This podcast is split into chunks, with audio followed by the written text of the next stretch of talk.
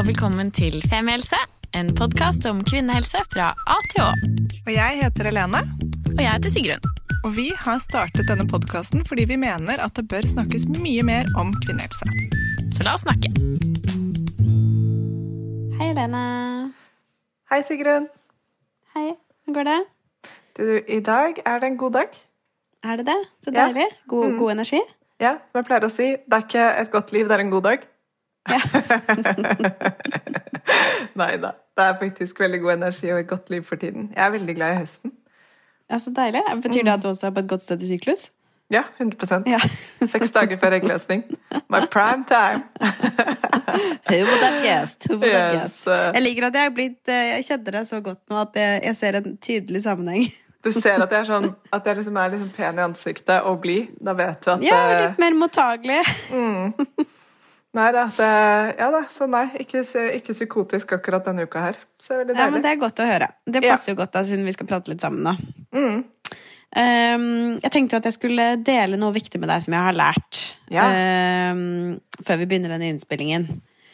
Og noe som jeg synes var faktisk litt eh, sjokkerende, for jeg prøver jo å følge med på det som skjer der ute, og vi er jo opptatt av forskning. Mm. Men um, at sideskillen var helt ut, det hadde jeg ikke fått med meg.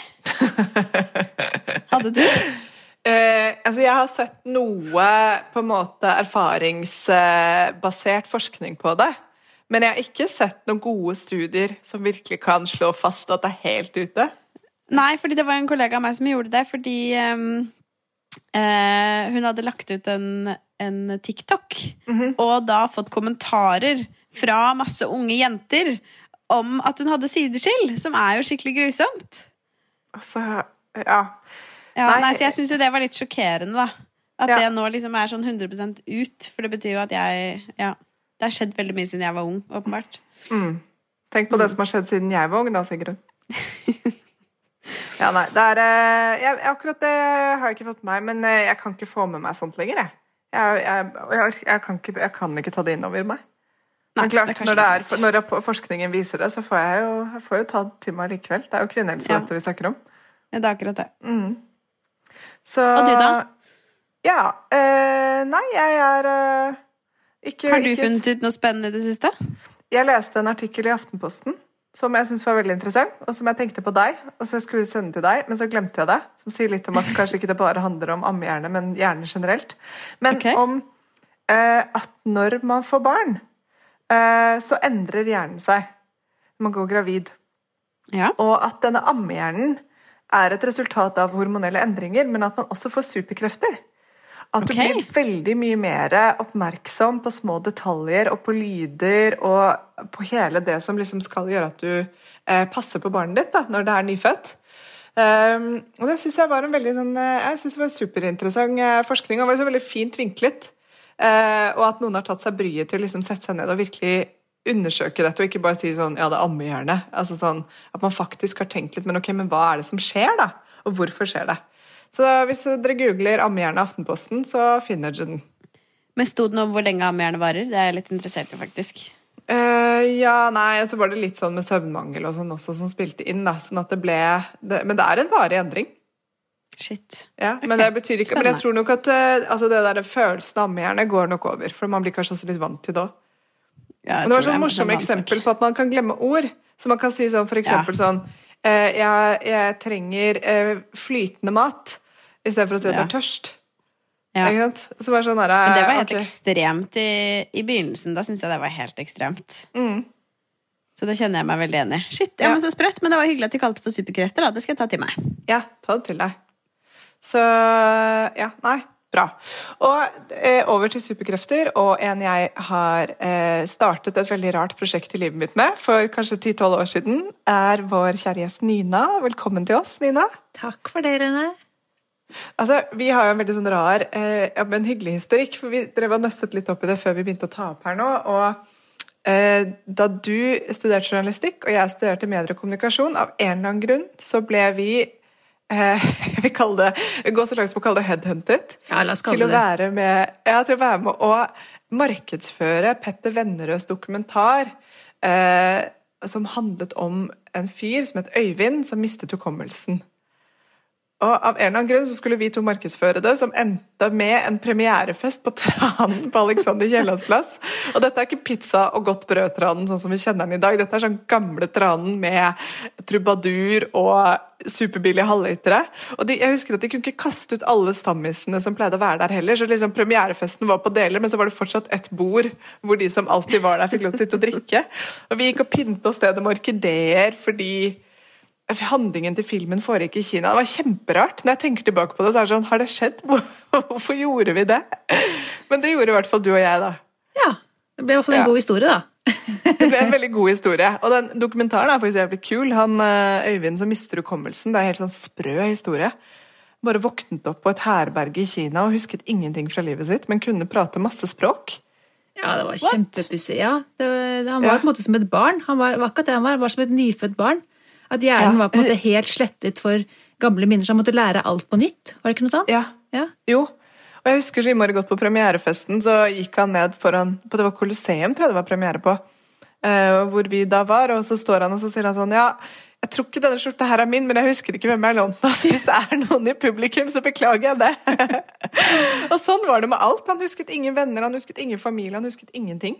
Nei, han måtte bare, han, jeg husker at han sa han måtte liksom bare utsette seg selv for nye ting. Han måtte bare sa et eller annet om at det er så gøy å stå på snowboard, så han prøvde det, og så lå det liksom i kroppen. Så han måtte liksom bli kjent med seg selv og sin egen identitet gjennom å teste bare teste masse ulike ting. da. Ja, Det var kjempepussig. Det er nesten litt for rart til å være sant. Ja, virkelig. Ja, nei. Men øh, Og så har jo vi da fulgt hverandre som man gjør med gamle studievenner på sosiale medier. Mm. Um, og du har fulgt Femihelse, som har vært veldig hyggelig, og vi har hatt litt sånn kontakt her og der. Um, men Kan ikke du gi en liten introduksjon av deg selv? Eh, ja. Som du sa, så har jeg jo studert journalistikk, og jeg bodde på Østlandet før. Eh, født og oppvokst i, mm, Bærum og bodde mange år i Oslo før jeg flytta til Trondheim, hvor jeg bor nå, sammen med mannen min. Han er trønder, så han fikk meg med nordover. Og så uh, har jeg tre barn. Jeg har en, en jente som heter Hedvig på åtte, og en jente som heter Tuva på tre måneder, så jeg kjenner meg veldig godt igjen i det med ammerne. og så har jeg en gutt som heter Bjørn, som eh, ville vært fire år om han var her med oss i dag. Mm. For han døde av eh, kreft i eh, 2018. Mm. Mm. Og det er jo en sånn Det er jo rart, ikke sant, men det, når man følger noen som jeg fulgte deg, så husker jeg at det, vi sendte litt meldinger første gang du var gravid. Så sa du at 'å, jeg er gravid', og, og jeg syntes det var så stas. Og det var jo, var jo, ikke så lenge siden Altså, da følte jeg at du var ganske ung. det var sikkert fordi jeg følte at jeg var så langt unna det selv. Akkurat da, for åtte år siden. Og så plutselig så dukker det opp eh, i, mine, i feeden min et eller annet sted at Bjørn er skikkelig syk. Uh, og så skjønner jeg at han dør. Og det Jeg husker sånn Det øyeblikket Jeg bare Ja ble så overveldet av hva, tankene på hva du og mannen din og hele familien måtte gå igjennom da. Um, og det er det vi vil snakke litt om i dag, nettopp det med, uh, med sorg. Og, og, da spesielt det med å, å, Verdens verste klubb, som du kaller det. Det å bli mm. medlem av det når man mister et barn. Og hvordan det er for menneskene rundt, uh, som venner eller bekjente eller nær familie, å stå rundt noen som er i en sånn type sorg. da. Men kanskje du kan fortelle litt om, om historien din, og, og hvordan ja. ja. Historien om Bjørn.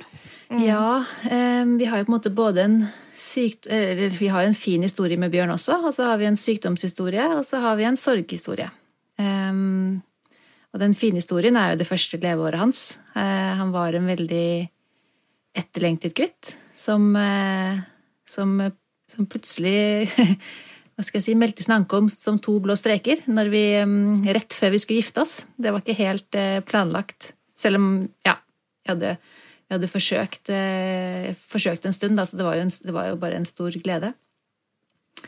Og ekstra gøy med en gutt da, når vi hadde en jente fra før. Så det var liksom, Da bodde vi i Trondheim, jeg hadde begynt å frilanse, livet var bra. um, og Bjørn ble født. Bjørn var med meg overalt. Han var med, Jeg holdt på å skrive bok da. Så han var en lett baby eh, som jeg koste meg skikkelig med eh, i permisjonstida. Og så eh, Og frisk på alle mulige måter. I hvert fall ja, tilsynelatende. Og så er det det der med når, liksom, når er det sykdomshistorien begynner, da. Det er det som er så vanskelig å vite. Og det man på en måte kverner Jeg tror alle foreldre som har mistet barn, enten det er i, i magen eller om det er eh, i, tidlig i, i, årene etterpå, så lurer man på når var det det startet, når kunne vi oppdaget det, hva kunne vi liksom, kunne vi ha forhindret dette her? Og det har jo jeg tenkt meg helt skakk i hjel på. Men um, vi kan nok egentlig si at fra når han var rundt ett år, så begynte vi å merke at det var liksom noe som ikke stemte helt. Eh, jeg syns han var litt sånn treg motorisk. Eh, og var litt sånn utålmodig, kanskje. Snakket litt om det på helsestasjonen hos fastlegen, og de var litt sånn Nei, nå må ikke du sammenligne Bjørn med Hedvig. Hun var jente, og han var gutt, og barn er forskjellige, og ja. Um, ja, det tar tid, liksom. Senk skuldrene. Kos deg, liksom, med, med Bjørn. Um, så gjorde vi det, og han ble ett år i, i, mars, og våren gikk, og um, prøvde å senke skuldrene, da, men jeg hadde liksom en sånn magefølelse. Han var veldig han ble fort sliten. Um, han var veldig vanskelig å få i han mat. Han var veldig veldig selektiv, ville egentlig bare ha pupp, og det var jeg ikke så keen på å holde på med. Han kan jo ikke bare, bare få morsmelk, liksom. Um, så vi hadde han med til mange ulike matspesialister. Jeg tenkte jo matallergi, tenkte jeg. ikke sant? Jeg har masse matallergier. Uh, vi hadde mange runder til fastlegen. Eh, og så husker jeg at fastlegen sa det at hvis han ikke går når han er 18 måneder, da skal, liksom, da skal han bli utredet. Så vi fortsatte nå da i vårt eh, litt sånn travle, men fine småbarnsliv. Og det ble sommer, og Bjørn begynte endelig liksom å reise seg litt opp og krabbe rundt i sofaen. Og var sånn ok, men ok, nå kan vi senke skuldrene, nå, nå er, liksom, nå er vi i gang. hadde vi en kjempefin sommer. Eh, og utpå høsten, da nærmet han seg jo 18 måneder, da. Og jeg syns at nå skal han jo snart gå. Han gikk fremdeles ikke, og han ble egentlig bare liksom slappere og slappere igjen. Og nå syns jeg det gikk litt sånn Nå var det ikke bare det at utviklingen liksom var treg, men jeg syns liksom at det gikk litt tilbake. Og det Da begynte liksom eh, hjertet å slå, og da, da føler jeg liksom at nå, nå må vi liksom nok en gang ta han med til legen. Um, og så, men jeg følte liksom at jeg følte ikke at jeg ble tatt på alvor. Jeg følte at jeg var en sånn sliten, kravstor en, småbarnsmor som liksom bare var utålmodig og ville liksom at barnet skulle liksom ja, Jeg følte meg rett og slett litt kjip hos fastlegen. da. Jeg følte ikke helt at, at hun liksom forsto Jeg måtte liksom fortelle samme historien hver gang. Så jeg sa til mannen min at nå må du bare bli med. Eh, eh, og så fikk jeg en fysioterapeut til å, sende, til å liksom skrive et brev. Så sendte jeg det i forkant, og sa liksom, her er det liksom en fysioterapeut som også sier liksom noe om motorikken. Og, og det her var et familiemedlem, så det var ikke noe sånn ja, det var, noe, det var bare en, en, tjeneste han gjorde for oss, egentlig. Eh, Jeg følte liksom at legen, legen, har så dårlig tid. Jeg må liksom at hun, hun, må lese det her før vi kommer inn. Og mannen min ble med, og vi eh, dro, dro nok en gang gjennom liksom alle symptomene. og og sa at vi ville veldig gjerne at Bjørn skulle bli utredet på St. Olavs, da, på barneklinikken der. Eh, så sa hun at, liksom, på slutten at ja, hun skulle se om hun rakk å sende henvisningen eh, i løpet av dagen eller morgendagen. Eh, og vi, vi, vi, hadde liksom sånn dårlig Jeg var så lei av ikke liksom, nå, nå, hadde jeg liksom forberedt meg på at liksom, ja, ja, nå skal vi få en henvisning, og nå nærmer seg 18 måneder, nå skal den utredningen komme som jeg hadde ventet så veldig på. da. Så dagen etter så var jeg bare sånn Mannen min og jeg bare Nei, nå må vi bare må vi bare ringe til legevakten og så må vi bare si at nå kommer vi ned med sønnen vår, og vi drar ikke før han blir utreda. Og så er vi må bare, vi må bare, vi må bare liksom overdrive, fordi at eh, Fordi vi, vi, blir bare sett på som, som liksom slitne småbarnsforeldre. Eh, og vi ringte til, til um, legevakten, og de sa at nei, dere kommer jo ikke inn hvis ikke det er noe akutt. Er det noe akutt? Og så sa vi nei, det er ikke noe akutt, man er liksom slapp og Så ble vi liksom sittende hele dagen og ringe mellom fastlegen og barneklinikken, og liksom fordi ja, vi skjønte at vi måtte ha en henvisning da for, å, for at han skulle bli utredet. Så fikk vi utredningen, eller fikk vi henvisningen gjennom, og så spurte vi ja, når kan vi forvente å, å bli kalt inn, og da sa de om sju til åtte uker, basert på det fastlegen sa. Og så sa vi jeg bare, at vi må bare, vi må, nå må vi bare mase oss inn. Og jeg syntes det var så ubehagelig. Jeg tenkte at nå sniker vi i køen. Nå er vi skikkelig kjipe. Men eh, var bare, da var vi så lei eh, av å gå i sånn, være sånn kasteball mellom ulike eh, Eller mellom fastlegen og matspesialist og helsestasjon, og egentlig bare famle litt i blinde, da. Så da sa vi til de på, på barneklinikken at vi tør ikke å vente. Vi er skikkelig skikkelig, skikkelig bekymra. Vi var ikke skikkelig skikkelig, skikkelig bekymra, men vi hadde en dårlig magefølelse da, på at det var et eller annet. Og så sa de at eh, ok, vi kan komme inn om en uke. Og det var sånn ok, yes, nå, hadde vi liksom, nå, nå skal vi finne ut av hva dette her er. Og så, når vi kom inn da på, på barneklinikken, så møtte vi en kjempefin eh, eh Å, herregud, nå har jeg glemt å den, det, Nå kom ammehjernen min. Nå kom ammehjernen. nå kom ammehjernen. Ja, det var i hvert fall en, en, en, spesialist på barneklinikken på Kontoret, så er det mange ulike spesialister. Mm. Og vi kom til en som bare, bare åh, Endelig var det en som hadde god tid. Som lot oss fortelle alt. Eh, vi snakket om en time sammen, ja, og han stilte oppfølgingsspørsmål. Og, og, han var den første legen som også tok på Bjørn. Ingen, ingen leger hadde tatt på han. De hadde liksom bare liksom bedt oss om å fortelle liksom våre observasjoner. da. Og han tar på Bjørn, sjekker noen reflekser og sier liksom umiddelbart at ja, her er det et eller annet som ikke stemmer. Um, og så husker jeg veldig godt at han sa at uh, dere må belage dere på litt Bare at han sa det, at dette er noe som ikke stemmer, det, det var sånn ok, nå, nå, følte vi oss sett og hørt og trodd, da. Men han sa også det at eh, vi må nok belage oss på litt detektivarbeid. Uh, det kan ta litt tid å finne ut av det. Vi får bare begynne å utelukke ting. Så for det der detektivarbeid har liksom festa seg veldig i, i hodet. da. Um, så, men det var sånn ok, yes, nå er vi i gang. Det var liksom bare en sånn utrolig god følelse å reise derfra. Uh, vi ble tatt på alvor, og vi visste at ok, nå, nå, er vi liksom i gang, da. De tok masse blodprøver av Bjørn samme dag, og han, legen ringte meg også dagen etter. Det var bare at den ringte meg tilbake, syntes jeg var, det var så deilig, istedenfor å sitte, sitte og mase. Og så sa han det at uh, det her var en fredag, og da sa han at og det var blitt november. Eh, og da sa han at eh, du, alle blodprøvene er, ser kjempefine ut.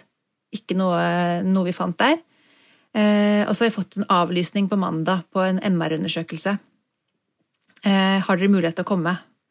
Fordi å gjøre en MR-undersøkelse av barn, det, det, er ikke noe de på en måte, det gjør de ikke hele tiden. Det må jo spesialister til, det må en anestesilege til. og det må, ja, Så vi bare Selvfølgelig kommer vi, liksom. Vi tar oss fri, kommer, tar en MR. Og da satt vi den søndag kvelden og var veldig spente og, og sa liksom hva, hva er liksom det verste av alt? Hva, hva, er vi liksom mest redd for? Og da sa faktisk mannen min hva om det er kreft? Og så sa vi ja, men da ville han vært dårligere, liksom. Tenkte vi, ja, det, Han ville jo sikkert det, men vi, vi var faktisk innom det. Men avfeide det ganske kjapt. Så kom vi på um, Vi skulle ta MR-undersøkelsen mandag morgen. Eh, og ble lagt inn på poliklinisk. Eh, og da trilla vi rundt mens vi ventet på at Bjørn skulle bli lagt i narkose. Da. Og da trilla vi forbi kreftavdelingen. Jeg husker jeg vi ble stående og se inn der på alle barna som, som løp rundt med drypp og stativ og, og, ikke hadde hår. Og jeg tenkte bare herregud, tenk på dem, da. Det her skal vi klare, liksom, Uansett hva, hva Bjørn lider av, så har vi, har vi i hvert fall ikke kreft, husker jeg tenkte. liksom. Og så ble Bjørn lagt i narkose. De tok, eh, gjorde en MR-undersøkelse, og vi fikk bare beskjed om å møte ham på barneintensiven, hvor han skulle våkne opp. Og vi satt Vi møtte Bjørn. Han sov, og, og sov og sov og sov, og han våknet ikke av denne narkosen. Eh, og så var det sånn, jeg husker jeg var sånn mye sånn som skjedde i rommet. De plutselig begynte liksom å ta ut litt senger og mange sykepleiere, og det, vi var litt sånn hm, begynte å spørre kan vi reise hjem i dag, hva tror dere, og hva, liksom, når kommer legen? Hva, vi skjønte ikke helt liksom, hva som var i ferd med å skje. da. Eh, så sa de at nei, vi, vi, de var ikke sikre på om vi fikk reise hjem i dag, vi måtte liksom snakke med legen først. og Så vi bare ok, men da får vi ringe og, og få noen til å hente datteren vår på SFO. Så ble vi sittende der og vente på at Bjørn skulle våkne, og han våkner omsider til slutt, da. Og sier bil og mus, som var de to tingene han kunne si, som var de to en sånn kosemus han alltid hadde med seg, og en eh, flammelakkert pickup som han hadde fått av faren min. Som han alltid hadde med seg overalt. Eh, og så, idet jeg tar ham på fanget mitt, så kommer det en, han legen som vi hadde møtt. Han som hadde gjort undersøkelsen av Bjørn uken, eh, eller uken før, da. Og det var som Yes, der var han! Han var vi jo så glad i. Og så sa han at eh, han var litt sånn, han gikk og snakka med sykepleieren, og vi ble sånn sittende og vente. Og så sa han at han, ja, han venter egentlig på et legeteam, men at um, han, han virka litt sånn eh, nervøs. Eh, men han eh, sa det at liksom, om noen minutter så skal vi liksom snakke om hva vi fant på bildene. Så, men så tok det litt tid. De legene kom ikke, så han, han, sa bare ok. Jeg tror vi bare får ta det nå. Dere får sette dere ned. og da sa han at dere kommer ikke til å reise herfra i dag. Dere blir lagt inn med umiddelbar virkning. Dere må ringe til sjefen deres og si at dere blir borte fra jobb i mange måneder. Fordi vi har funnet en svær eh, svulst. Så da går jo Da ja, Jeg husker liksom jeg husker den samtalen veldig veldig godt. Den har liksom brent seg fast selvfølgelig. Så da, da, gikk, da, falt vår verden i grus, rett og slett. Det er jo det siste man vil høre. Og det var en hjernesvulst, eh, og den var stor. Eh, og han sa uansett om den er godartet eller ondartet, så må den ut eh, fort. For den ligger og blokkerer for vitale funksjoner i hjernen, da. Mm. Så det var, det var sykdoms... Eller det var veien fram til sykehuset, da. Mm. Ja. Åh, shit, ass. Ja, jeg vet det er heavy. Um, mm. Det, er ikke, ja, det er ikke heavy for meg. Eller det er heavy for meg å høre, men Ja, fy fader. Wow. Og mm. Og da Ja. Hvordan coper man med det, eller hva gjør man liksom videre da? Bare Apropos liksom vår intro med superkrefter, finner du liksom hm eller, eller, hvordan blir man da i en sånn situasjon? Eller hvordan ble du i den situasjonen? Ja, godt spørsmål.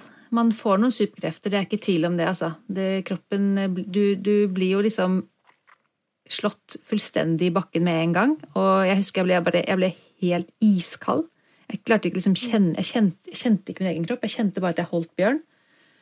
Eh, men jeg har en veldig løsningsorientert mann så han var liksom ok. For det første fikk han stilt, han stilte en del spørsmål. Da, liksom sånn, ok, Hva skjer nå? Til legene. Så vi fikk noe vi kunne si på hjemmebane. da, eller ja. Og så tok han jeg vet ikke, han tok alle telefoner mens jeg satt med Bjørn. Han ringte min familie, han ringte sin familie. Han fikk ordna sånn at Hedvig kunne flytte inn hos sin søster. Um, og så var det egentlig bare å, og derfra og ut gjøre det legene sa vi skulle gjøre. Det var eh, det som er når du blir lagt inn på et sykehus, og spesielt når du har eh, barn, så er det et enormt maskineri som settes i gang. Det er eh, ja. sosionomer som kommer på banen, som vi fikk beskjed om at ok, det som kommer til å skje nå, er at nå triller dere opp på kreftavdelingen. Derfor er det de og de sykepleierne som kommer til å følge dere hele veien. I morgen får dere snakke med en sosionom som hjelper dere alt med Nav. I overmorgen skal Bjørn opereres. Da går vi inn. Så det, der var det på en måte bare lina opp en vei umiddelbart. Så vi følte oss jo veldig ivaretatt. Så det var egentlig bare å prøve å puste og gjøre som vi fikk beskjed om. Og ikke få panikk, rett og slett. Ja, Så da gikk ting fort? Da gikk ting veldig fort, og det føltes veldig proft. Eh, og veldig, vi følte oss veldig, veldig godt ivaretatt. Var det da fortsatt deilig at det gikk fort, eller følte du da at det liksom løp, løp sin vei? Um, det er det som er så rart, fordi på sykehuset så gikk liksom tiden både ekstremt fort og veldig, veldig sakte på en og samme tid. Jeg kan ikke helt beskrive det. Jeg syns at det gikk veldig sånn Timene blir jo lange. Du kan tenke deg som ett minutt. Hvor mye man tenker, rekker å tenke i ett minutt. og liksom hele, Du prøver å se for deg framtiden din, og du klarer, hjernen går jo i hundre. Eh, men timene blir jo lange, da, når du liksom venter på eh, venter på leger som skal komme med nye opplysninger og operasjoner. Ja. Så det mm. um, Nå husker jeg ikke helt hva du spurte ja. om. Men Nei, ja, om tiden gikk fort eller sakte. Og jeg skjønner at det er svaret. Ja. Begge deler. Begge deler, ja. Det er det som er eh, så rart. At det mye så mye kan være sant på en og samme tid. liksom Både fort og sakte. Men jeg syns det, det, var litt skummelt på en måte at han gikk fra i våre øyne å være liksom en ganske frisk gutt til at han på en måte var akutt syk. Jeg, jeg kunne nesten ikke forstå det. Og det, sa det kunne nesten ikke legene heller, sa de, fordi de fleste barn som kommer inn og har hjernesvulst, spesielt på den størrelsen, de kommer inn med sterke eh, kramper. Eh, Ja. Og de er mye, mye dårligere. Um, men de så jo uansett at størrelsen på den svulsten, selv om han var tilsynelatende frisk, så måtte de inn og sjekke, ta en biopsi og sjekke hva slags eh, type det var. Så det skjedde enormt. Tiden gikk kjempefort de første to dagene. Det måte masse, masse undersøkelser av Bjørn. Um, og så Og da så ble det sittende og vente. Hva? Da, ble vi sittende, da, var det en, da skulle det ta en uke til vi fikk svar på hva slags diagnose det hva slags type kreft det var. da. Og da måtte dere være på sykehuset, eller fikk dere reise hjem Nei, vi var lagt inn um, og var lagt inn 24 timer i døgnet. Ja. Vi lå på barneintensiven, og vi ble kjørt opp på kreftavdelingen. Eh, For du skal egentlig ikke bo på en barneintensivavdeling. Der skal det egentlig bare være noen timer og våkne opp etter, um, etter operasjon, eller hvis ting er veldig, veldig akutt. Men Bjørn var såpass eh, dårlig etter narkosen, og, han, og de ville liksom overvåke han kontinuerlig, så han, ville, vi ble egentlig lagt inn på barneintensiven. Så der, der ligger det jo med, med Der kommer det jo på en måte akutt Der kommer det jo liksom ordentlig, ordentlig syke barn eh, inn eh, stadig vekk. Og blir kjørt videre på nye avdelinger. Og det er barn som som bare har helt rutinemessige oppvåkninger. Så der bodde vi egentlig som de eneste faste, da. Ja, hvordan var det, da? Um, det er et veldig spesielt sted å være. Det, det er jo et sted som ikke er, som ikke er lagd for å være over tid. Det er intenst, det er mye høye lyder, det er mange maskiner som durer og piper, det er hvitt og sterilt.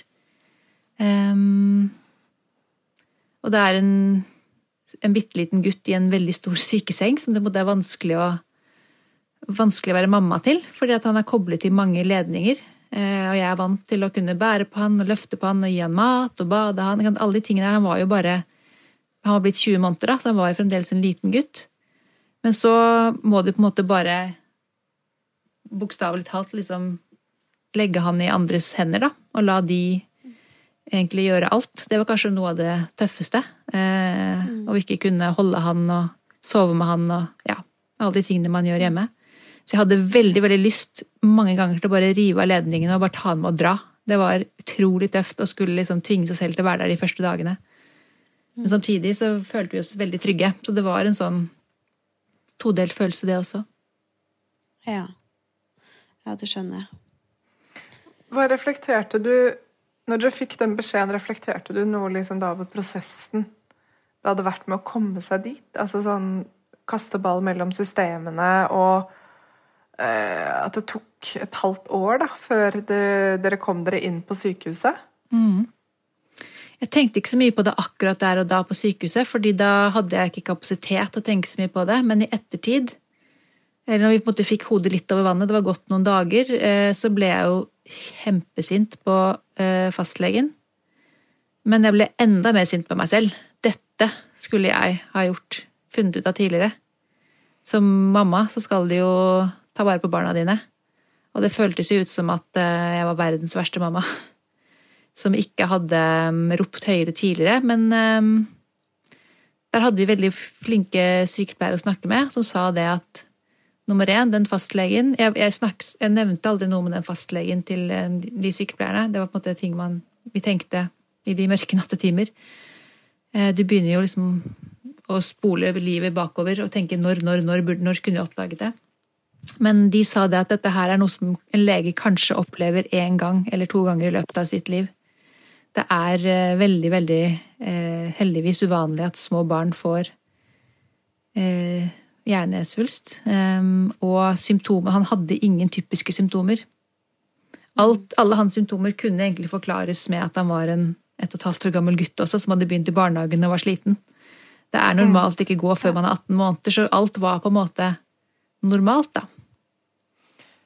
Og det tenker jeg jo er viktig også for de som også hører på nå, er at de symptomene du beskriver, eller den, den frykten du beskriver, er jo veldig mye av det samme jeg har hørt fra mine venninner som har friske barn. Eh, ikke sant? At man er bekymret for at eh, de ikke prater godt nok enda, eller ikke går, eller eh, skal alltid gå på tærne, eller bare vil krabbe baklengs, eller ikke løfter hodet nok, eller Altså, mammabekymringene er jo enorme. Ja, og så samtidig som mamma så vil man jo bare at barnet skal være friskt, så at man stoler på en lege som sier at her er det ingenting å bekymre seg for, eller jeg tror i hvert fall for min egen del, da, så eh, er det Tror jeg at, at jeg fort hadde turt å stole på det, for å si det sånn, i hvert fall for en kort stund. Så det Ja. Ja, det var jo det vi gjorde, vi også. Så det, det, det er heldigvis Det skal sies i ettertid til alle bekymrede småbarnsforeldre der ute, er at eh, den, den diagnosen det viste seg at Bjørn hadde, er ekstremt sjelden. eh, Og ekstremt hissig. Um, og at um, Ja, det, er, det kom som ly- lyn fra klar himmel. Så det er eh, veldig mye som er normalt veldig lenge, eh, uten at man skal trenge å bekymre seg for det, altså. Ja. Ja, for etter operasjon så går det en uke, og så får dere svar på hva det er. Ja, det er det som er så pussig med Du blir slått i bakken, og så klarer man liksom å bare Ja, men selvfølgelig, det her skal vi slå. Vi fikk liksom skikkelig krefter. Du blir slått i bakken. Og så fikk vi liksom kjempe Følte vi fikk superkrefter. Bjørn fikk til og med Supermannsokker, liksom. Og vi bare ok, dette skal vi få til. Vi følte vi hadde verdens beste sykepleiere. Det er kanskje ti leger som står på for liksom for, for, for, bare for ditt barn. Det er ingen begrensninger på behandling. Det føltes virkelig som at ok, det her skal vi få til. Vi visste at uansett hva diagnosen vil bli, så er det ingen begrensninger på behandling på barn. Det, fin, det, det gjør det jo på voksne. Det fins et slags økonomisk tak, men det fins det ikke på barn. Så vi følte virkelig at det her skulle vi få til. Eh, Men når vi da etter en uke ble kalt inn på legetime, og vi skulle få høre diagnosen, så sa de jo at eh, den, trenger dere, den bør dere ikke google. Så vi skjønte jo at det var eh, alvorlig. Og selvfølgelig googla jeg det. Mannen min gjorde ikke det, og jeg gjorde det. Eh, og da skjønte vi at det her var eh, Da ble plutselig håpet veldig mye mindre. Du ble slått i bakken igjen. Men eh, så klarer man jo på en måte å stable seg på beina igjen da, og kjempe videre og tenke liksom ok, men Norge har samarbeidsavtaler med de beste sykehusene i Tyskland og i USA, og vi kan selge huset, vi kan stable så mye penger på Eller vi kan skaffe så mye penger på kort tid. Vi skal liksom, dette skal vi, Du klarer liksom å mobilisere, da. Vi ble aldri helt paralysert, eller vi mistet, vi mistet egentlig aldri håpet før helt til slutt helt mot slutten, og det tror jeg er felles for veldig mange. Eller jeg vet det er felles for mange som har eh, syke barn, da. At du Du kan på en måte ikke gi opp håpet. Du må kjempe med alt du har. Var det da en, en tøff behandling han sto overfor, eller? Ble det Ja, vi fikk jo Sånn som jeg husker det nå, så fikk vi på en måte Det var veldig mye gjentagelse av informasjon, for de vet jo at vi klarer liksom ikke å ta til oss alt og skjønne alt. Det er et medisinsk språk, men jeg forsto at um, at, at det var en plan. Det var en plan for han. Eh, nå, nå visste de hva diagnosen var, det var bra, for da vet man hva slags type behandling man kan tilby. Eh, Men han måtte bli sterkere først. Man skal være ganske frisk, eller ikke frisk, det høres feil ut, men man skal være ganske sterk for å tåle den behandlingen han skulle gjennom. da. Så det var det vi gikk og ventet på etter at vi fikk diagnosen, var at han måtte, han måtte bli bedre. Han hadde fått noen infeksjoner på sykehuset. Det, det gjør man fort. Der er det mange bakterier, selv om det er sterilt. Så han hadde gjentatte nye antibiotikakurer som han ble satt på. Um, som vi hver dag liksom gikk og fulgte med på. Er tallene gode nok? Er tallene gode nok for å kunne sette i gang med behandling? Ehm, så da, når det da hadde gått tre uker cirka, så var, var Jeg husker jeg var så glad. Jeg, hver eneste morgen så løp jeg til, syke, til, eh, til han eh, legen som hadde de siste tallene, og spurte liksom Har vi kommet lenger ned? Liksom, er tallene bedre? Er tallene bedre? Og de var liksom bedre dag for dag. Um, så når det da var blitt liksom, Vi hadde vært lagt inn i 18 dager, uh, og det var en mandag, så ble vi igjen kalt inn på um, det legekontoret som vi gjorde en, gang- omtrent en til to ganger i uka med legetime. Og da trodde vi at vi skulle legge en plan for eh, nå skal vi starte behandlingen. Han hadde jo på en måte ikke blitt behandlet foreløpig, han hadde egentlig bare blitt undersøkt. Og, og, og, og, og de hadde hjulpet han med å liksom ri av seg en del eh, infeksjoner, da. Eh, så vi ble samlet inn på det legekontoret nok en gang og tenkte at ok, nå skal vi legge en plan for veien videre. Eh, men da sa de at eh, vi tror at Eller Bjørn er ikke frisk nok til å sette i gang den behandlingen han trenger for å kunne For å kunne Hva skal jeg si Både enten operere eller, eller stråle den, den svulsten han har, da. Vi tror ikke han er sterk nok. Um, så vi Og da har de ikke lov til å Eller hva skal jeg si er, Legene har ganske mange retningslinjer i forhold til De har ikke lov til å behandle i hjel et barn, på en måte. Det skal være, Hvis de skal sette i gang med en behandling, så skal det være fordi at de tror at det er et godt liv i andre enden. Um, og de sa at han er ikke sterk nok sånn som det er nå. Man skal selvfølgelig få en sjanse. Vi kobler han av. Han lå på det tidspunktet på respirator av ulike grunner. Eh, og han tok ikke til seg næring på egen hånd, så han hadde jo sonde. Så de sa det at eh, vi, Bjørn skal selvfølgelig få en sjanse. Vi tror ikke han er sterk nok, men vi kobler ham fra alt eh, utstyr i morgen. Og hvis han klarer å puste godt for egen maskin og tatt seg næring, så skal vi starte behandling. Men vi tror han kommer til å dø i løpet av én til to dager. Vi så jo ikke De så jo vi, vi, så, vi, vi, klamret jo bare til de positive tegnene. Vi så jo kun de tingene som gikk for, framover. Mens de så jo alt, alle de organene som begynte å svikte pga. hjernesvulsten. Så da fikk vi sjokk nok en gang. ikke sant? Um, Hvor lenge hadde dere vært på sykehuset da? Da har jeg vært på sykehuset i tre uker. Mm. Uh, og egentlig rukket å bli litt vant til det livet. Uh, og ja, så da da, det var, det var Og det var eh, Ja. Det må ha vært et enormt sjokk? Det var, eh, det var kjempesjokk. Det, det er klart det var det. det. Og det tror jeg de skjønte, fordi som, som, foreldre så kan du på en måte Jeg vet ikke Man blir liksom helt Man er i en boble, og man har så intenst behov for å se at ting blir bedre, at du kun ser det som blir bedre. Og vi skjønte nok ikke hvor syk han egentlig var da. Uh, og den, Nei, og litt som du sa i stad også, at da var det jo tre uker, da, siden dere hadde en relativt frisk gutt. Mm. Mm. Og det er jo det som er med den kreften han hadde, at den er så hissig. Den, den kan ligge og ulme ganske lenge, men så dobler den seg i størrelse. Eh, og når ja. den vokser så fort, så har man på en måte ikke Han hadde ikke tid, da, det, det, gikk for fort, rett og slett. Sånn at um, mm. og, det, og, det, legene heldigvis sa for vår del, var jo at um, det her Hadde dere kommet inn tidligere, så hadde han nok bare hatt et lengre liv på sykehuset. Fordi ja. um, den svulsten her eh, De sa vel ikke at det var på en måte en dødsdom, men, men vi skjønte jo det litt sånn mellom linjene, at uh, det her ville han mm. antagelig aldri ha overlevd, da. Så de var jo veldig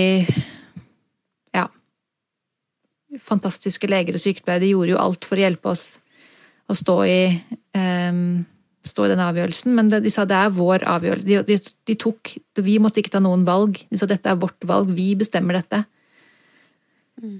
Og det skjønte vi at vi hadde jo ikke noe vi skulle, vi skulle ha sagt, på en måte. Vi, vi, var, vi stolte 100% på dem. Og vi håpet jo inderlig, inderlig på at Bjørn skulle bli, være sterk nok. Men de koblet han fra respirator og sonde da dagen etter. Eh, og vi trodde det ville ta et par dager, men det tok da eh, Han døde ikke før på søndag, så vi ble sittende i seks dager og se på at han eh, gradvis forsvant fra oss, da. Ja. Mm. Og det ironiske er jo at Hedvig på åtte år nå, hun var jo fem år da, hun hadde jo bursdag 26. november, og var i fyr og flamme. Hun kommer på sykehuset hver dag og telte ned dagene til bursdagen sin. Og jeg husker jeg sa han, han kommer til å dø på Hedvig sin bursdag. Han kommer til å dø på Hedvig sin bursdag. Mm. Um, og vi ble på en måte nesten sånn desperate til slutt. ikke sant? For det første så er det noe det er En ting er jo som at det er brutalt. Men mm. så vil du på en måte bare at ikke at sønnen din skal lide. Men hva skal jeg si, hell i uhell, så, så, så, døde han noen få timer før Hedvig sin bursdag. Så hun slapp iallfall å dele Vi slapp å dele den, den, eh, At det skulle bli en fellesdag, da. Mm. Ja. Mm. Jeg vet at det er heavy. så- Ja, det er, det er skikkelig heavy. Um, og det er bare jeg sitter og tenker på, er bare Jeg håper Fikk du holde han de dagene? Ja, det gjorde jeg. Ja. Det var det som var noe med poenget med oss, tror jeg, for dem å koble han fra ting, at vi, han skulle liksom bli vår igjen. Da fikk vi holde han. Og vi holdt han jo hele, hele veien. Mm. Og det var også veldig deilig at det ble stille. Det var brutalt at det var så stille, men det hadde vært så mye lyder, det hadde vært så mye piping i apparater, og de sa at det var også for at vi skulle få fokuset tilbake på han, fordi vi hadde sett, sett på skjermer i tre uker, ikke sant? Er nivåene opp eller ned? Puster han? Hvordan er frekvensen? Pulsen? Det var så mye å følge med på. Og vi ble jo på ganske kort tid eksperter på å følge med på medisiner og doser og ja, frekvent, alt mulig rart, så det var det var på en måte godt å endelig få stelle han og få, ja, få være så nær som man skal være et, et lite barn, da. Mm. Hei! Som dere merket, så ble det en litt brå avslutning på denne episoden. Og det er rett og slett fordi at eh, historien til Nina er sterk, men den er også lang, så vi har valgt å dele episoden i to. Så fortsettelsen får dere i neste episode. Tusen takk for at du hørte på podkasten vår. Selv om det forhåpentligvis kommer tydelig frem, så vil vi understreke at vi ikke er helsepersonell.